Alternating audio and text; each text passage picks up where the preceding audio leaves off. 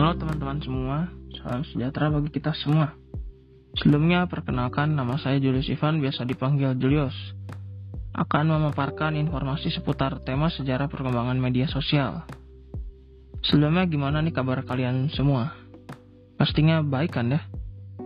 Oke, langsung saja kita ke pembahasannya ya.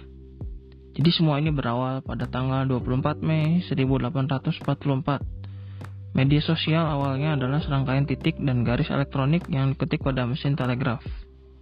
Pada waktu ini, itu juga ada seorang peneliti bernama Samuel Morse mengirimkan pesan telegraf untuk pertama kalinya kepada publik.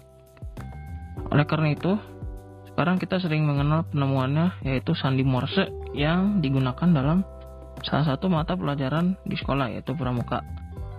Lalu juga ada akar komunikasi digital yang datangnya bersamaan dengan asal-usul internet modern. Dan media sosial saat ini bisa tercipta karena dipelopori oleh ARPANET atau uh, kepanjangannya Advanced Research Project Agency Network yang dilakukan pada tahun 1969. Jaringan digital ini diciptakan oleh Departemen Pertahanan Amerika Serikat untuk menghubungkan para ilmuwan dari empat universitas untuk saling berbagi perangkat lunak, perangkat keras, ataupun data.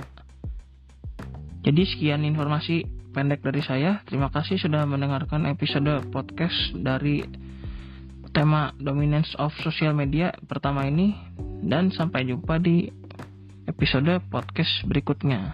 Terima kasih.